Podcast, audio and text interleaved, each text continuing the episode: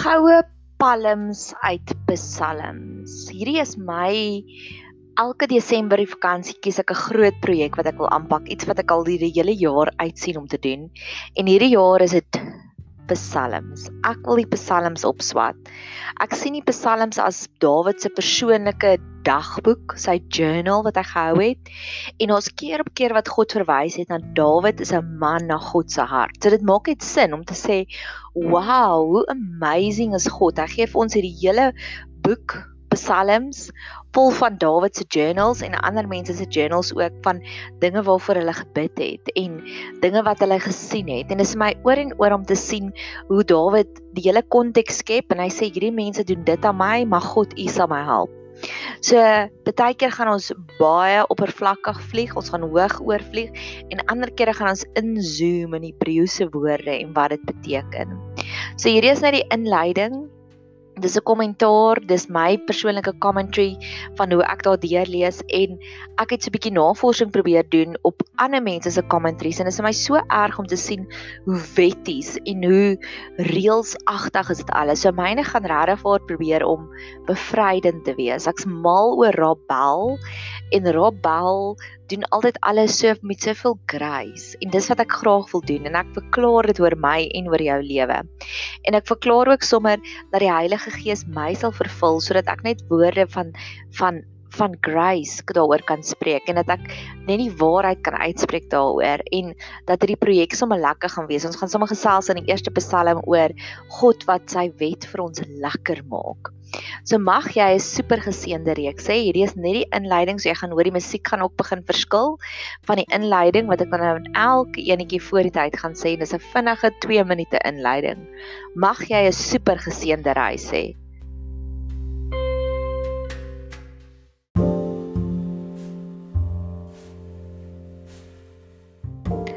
Psalm 3.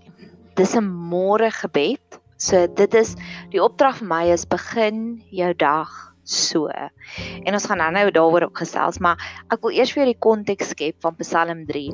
Psalm 3 was die oomblik toe Dawid gevlug het van sy eie seun Absalom af.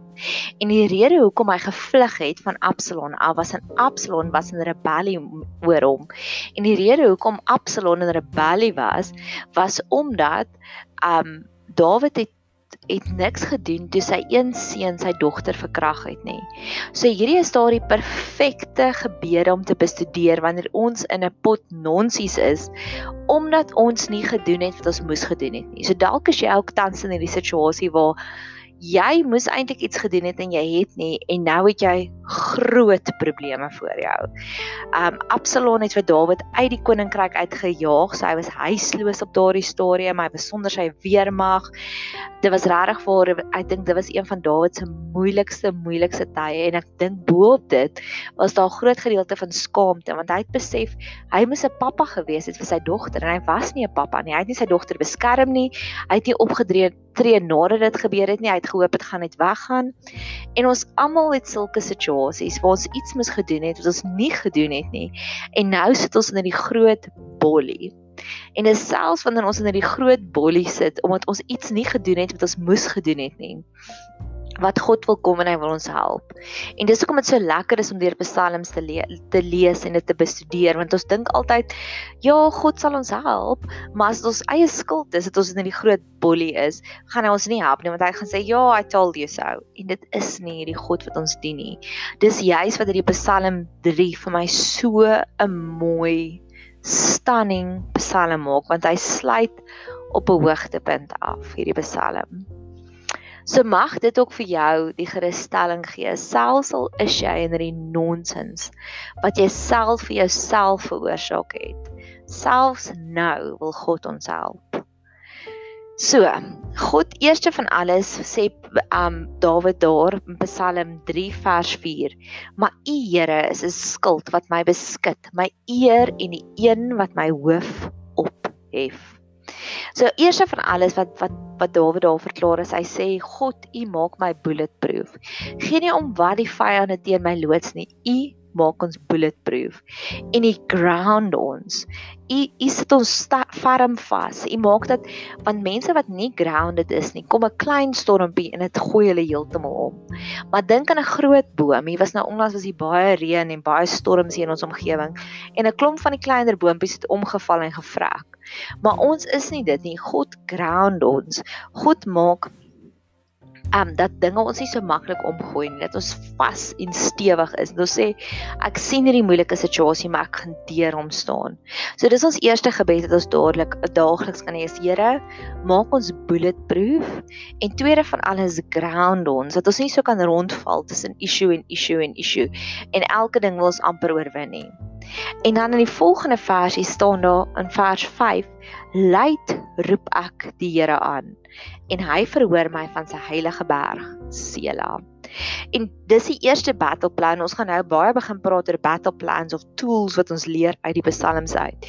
Die eerste een is shout, skree na God, luid roep ek aan. En dis die rede vir hierdie podcast. Ek het vir baie jare lank net net geskryf gebed want ek het agtergekom ek is nogal so besige brein so vir my om net stil te raak en net in my gedagtes te bid is my 'n moeilike taak. So ek het begin om te skryf en vir jare lank het ek geskryf en daar was resultate. Maar nou vir 'n jaar of 2 jaar terug het ek begin eers met video's en toe met die podcast om dit uit te spreek oor my lewe. En dis letterlik asof ek so 'n 'n fuel injection in my geloofslewe gekry dinge begin dadelik uit te werk want ek spreek dit uit oor my lewe. En ook op die oggende wanneer ek begin met eers 'n podcast maak voordat ek die dag aanpak. Daai dae is die dae sommer net vir my beter en lekkerder want ek het dit uitgeprofeteer oor my lewe. So mag jy ook 'n geleentheid kry of mag God jou ook leer die eerste battle plan. Here leer my hoe om dit uit te spreek oor my lewe. Ek het een vriendin wat vir haarself voice notes stuur en so bid sy dan met die Here want sy spreek dit uit. Ek kan dit nie genoeg sê om te sê daar's soveel krag om dinge om gebeure uit te spreek versus om dit net te dink of selfs net te skryf nie. En dan sê Dawid ook: "U is die een wat my kop oplig." En as jy skaamte het, dan kyk 'n mens af en jy's in jouself in. Maar die antidote vir skaamte is God. God kom en hy lig ons kop op. God kom en vee daai skaamte uit. Want die oomblik wanneer die skaamte uitgevee is, kan ons makliker praat daaroor. Skaamte is 'n tronk wat ons gevange hou en vir ons dat dink God gaan jou nie help nie. Dis vol leuns. So dalk het jy ook skaamte oor iets of dalk besef jy nie eers jy skaam oor iets iets nie. Bid vir die Here daagliks asseblief Here, kom laat U die een wees in my kop oplig wat my laat sien dis nie my skuld nie. Ek het so 'n paar weke terug het ek 'n hele lang reeks gemaak oor die diktator in my lewe. En vir jare lank het ek geglo dis omdat ek nie goed genoeg is nie en dis hoekom ek onder sy mag is. Maar die Here het my kop kom omplig omdat ek daai onderskeid kon tref. Dis nie my skuld nie. Dit is net die persoon is net toksies. So mag God ook vir jou so openbarings gee oor dis nie jou skuld nie. En dan die volgende een is die blessing van die soete slaap. Vers 6 sê: Ek het gaan lê en aan die slaap mag raak. Ek het wakker geword van die Here ondersteun my. Terwyl Dawid huisloos was, terwyl hy in die veld geslaap het, het God nog steeds gemaak dat hy lekker rustig kan slaap. Terwyl hy elke aand geweet het maar sy seun en sy hele weermag gaan kom en hom kom doodmaak, het die God elke aand vir hom daai rustige slaap gegee. Daniel in die leeukuil het rustig geslaap, maar die koning wat in sy leksheid en in sy paleis gebly het, het onrustig geslaap. So mag jy ook daagliks net sê, Here, asseblief kom gee vir my die soete slaap. Want dit is 'n blessing wat God vir ons wil gee, want jy weet as jy moeg is, kan jy lyk like elke stormpie 10 keer erger want jy's geestelik, emosioneel en fisies uitgeput. En ek dink hier oor Suid-Afrika en juist nou terwyl ek hierdie podcast maak en dis middel Desember, heers heers daar 'n gees van kroniese moegheid oor almal en klein obstacles maak dit net erger. So ek wil sommer daardie blessing oor my uitspreek en oor jou. Mag God vir ons elke aand soos hy gegee het vir Dawid, daardie daardie seëning gee van soete slaap. En dan hierso staan net die die um hoe om doetjie doetjie doetjie doetjie. Hoe om vreesloos te wees voor jou vyande. Want in vers 7 sê hy, ek sal nie vrees vir 10000 van mense wat rondom my teen teen my gereed staan nie. Die Here kan ons ook seën met daardie gees van vreesloosheid. Want Dawid sê al staan daar 10 duisende mense rondom my gereed om my dood te maak, sal ek nie bang wees nie. So mag God ook vir ons daardie oomblik gee van vreesloosheid. Ek het al die storie gehoor in Seattle waar ons was daar 'n dik wolk van mis oor die oor die hele stad uitgestrek. En toe het hulle al die vliegtye het hulle geboord, nie een van hulle kon opstyg nie. En op die ou einde van die dag het wetenskaplike studies gedoen om te sê dat al daardie mis wat oor die hele stad uitgestrek het en duisende mense se lewens moeilik gemaak het vir daardie een dag. As jy al daai mis saamvat in watervorm, is dit 'n halwe koppie water. 'n Halwe koppie water het duisende mense se lewens moeilik gemaak op daardie dag.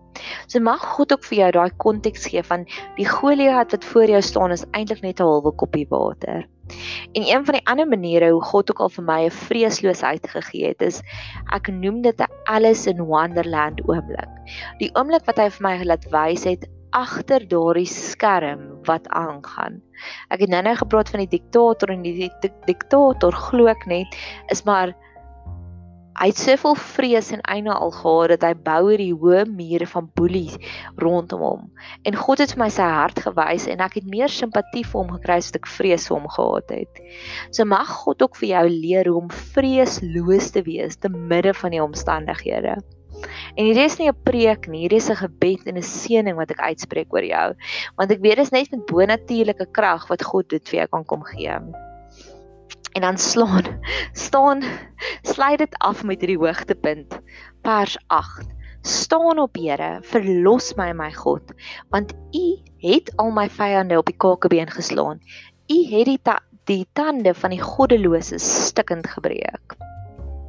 So mag God ook my vyande en jou vyande op die kakebeen slaan Een van ons baie goeie vriende het in die middel van die jaar het hulle 'n baie ernstige breingewas operasie gehad.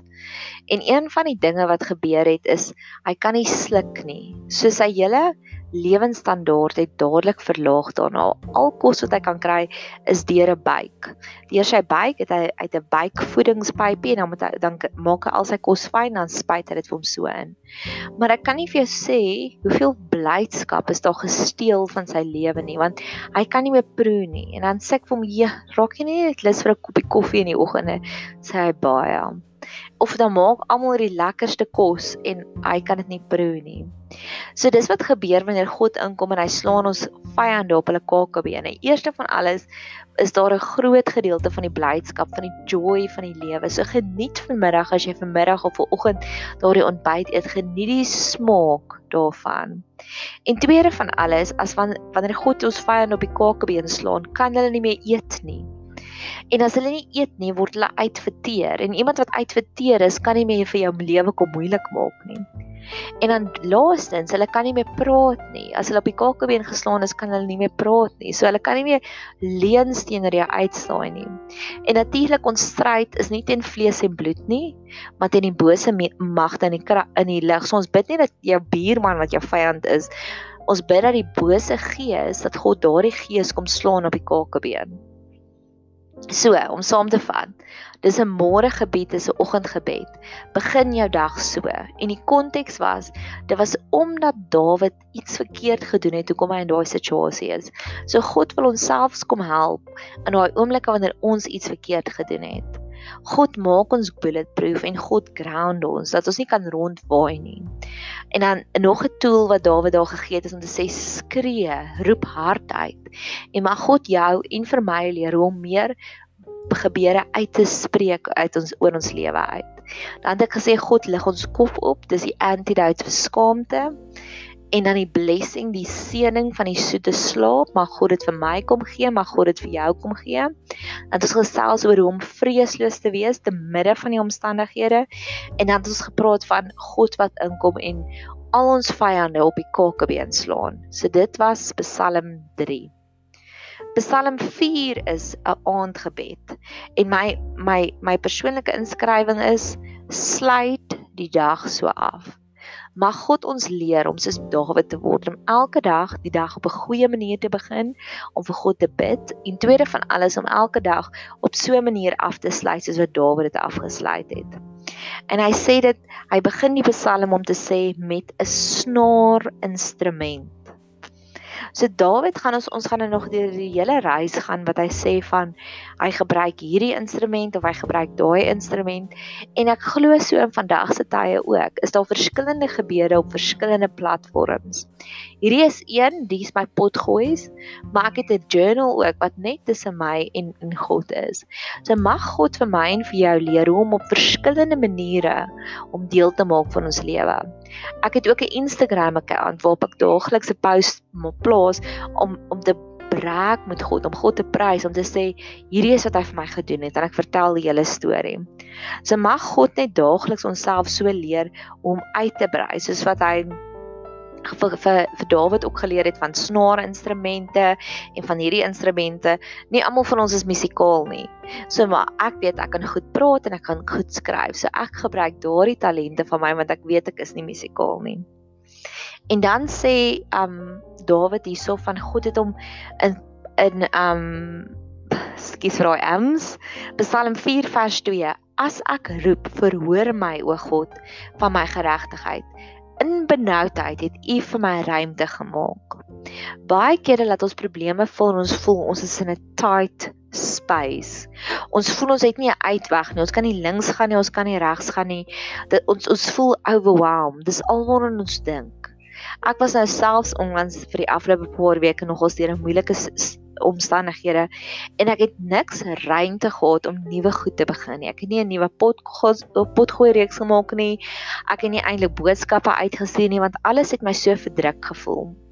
En daar's hierdie storieetjie van Isak wat vir al sy vee pitte gegrawe het, nê, vir sy bokke, beeste, skape, eselinne, donkies, kamele.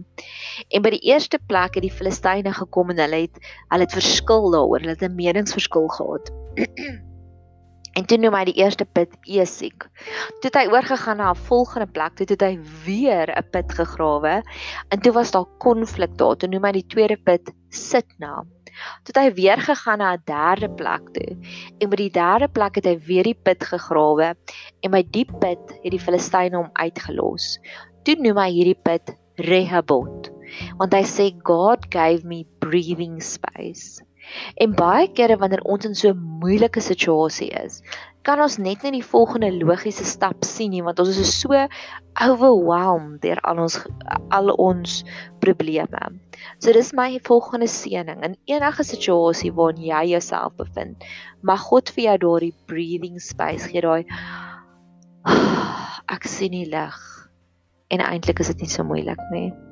Want dis al wat ons nodig het is daai breathing space, daai hier kan ek bly of hier kan ek uitklim. En dan sê um waar het hy dit nou gesê? Hierso vers 3. Hoe lank sal julle die nietighede lief hê, die leuen soek? En dit is baie kere wat ook gebeur is ons vra net vir die Here, hoe lank nog? Hoe lank nog? En mag die Here altyd vir ons 'n antwoord gee daarop. Ek dink daaraan as jy Kaap toe ry om te sien, ag, oh, jy's nog 1100 km van Kaapstad af, dan weet jy, dan maak jy jouself fisies en geestelik reg daarvoor om te sê, "Oké, okay, ek gaan nog vir 11 ure lank in die kar sit." So mag God altyd vir ons 'n afstand gee van net tot die einde van die jaar toe, net tot die einde van die maand toe, net tot die einde van die week toe. Want dit verander heeltemal ons omstandighede as ons weer is nog 1100 km tot by die Kaap. So jy mag ook sê, hoe lank nog? En jy mag ook volgende sê, Here, ek verklaar nou die einde. Ek verklaar ek trek nou 'n streep heen. Ons is lank genoeg aangeval en daar's hierdie hierdie skrifgedeelte in die profete ook wat hier God ook sê van hierdie punt af gaan ek seën. Om te sê verklaar dit uit jou lewe uit om te sê hoe lank nog, Here? Ek verklaar, ek trek nou die streep in die sand. Van hier af vorentoe gaan dit goed gaan.